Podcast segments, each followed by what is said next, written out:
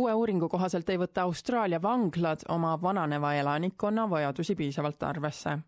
uuring, mille tellis The Salvation Army, leidis, et eakad vangid on vanglate kõige kiiremini kasvav inimeste grupp kui vanalt loetakse vangi siis eakaks? viimane uuring pakub, et eakas vang on kõigest üle viiekümne aastane inimene ning pärismaalastest vangide puhul on see vanus veelgi madalam ehk nelikümmend viis aastat.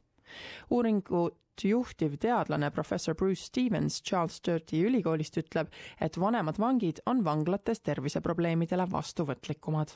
Many of the prisons in Australia were built uh, in the 19th century for what 20, 30 year olds.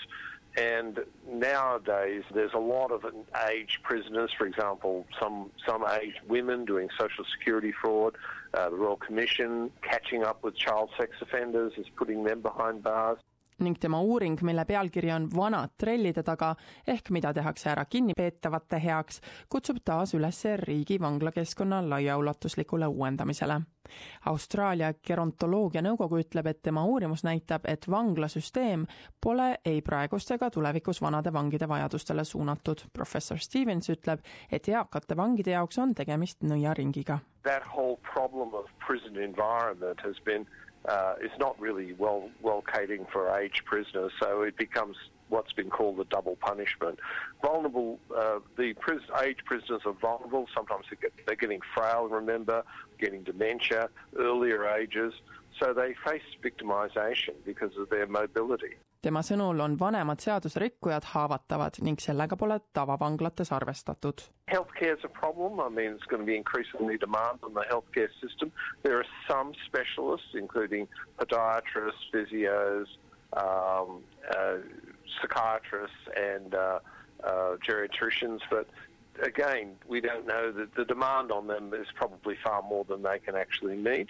There is mental health needs. The average prison population has 2.5 times the number of diagnoses of the general population. ning professor Stevensi sõnul ei lõpe probleemid veel seal. You've got someone in a wheelchair, often they're facing steps um, just to get to the, court, the yard. Uh, ramps aren't, usually built. Uh, wheelchair access is the problem. Narrow corridors. tema sõnul puuduvad vanglates ka sobivad programmid, kuna enamik on suunatud füüsiliselt aktiivsetele ning hea tervise juures olevatele vangidele.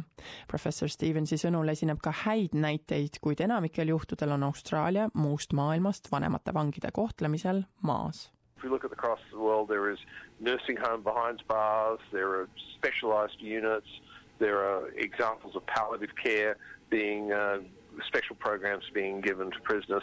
But, but overall, this is an under-resourced area. Uuring leidis näiteid selle kohta, kuidas liikumisprobleemidega vange on pandud esimesele korrusele, kasutatud erinevat värvi silte ning paremat valgustust.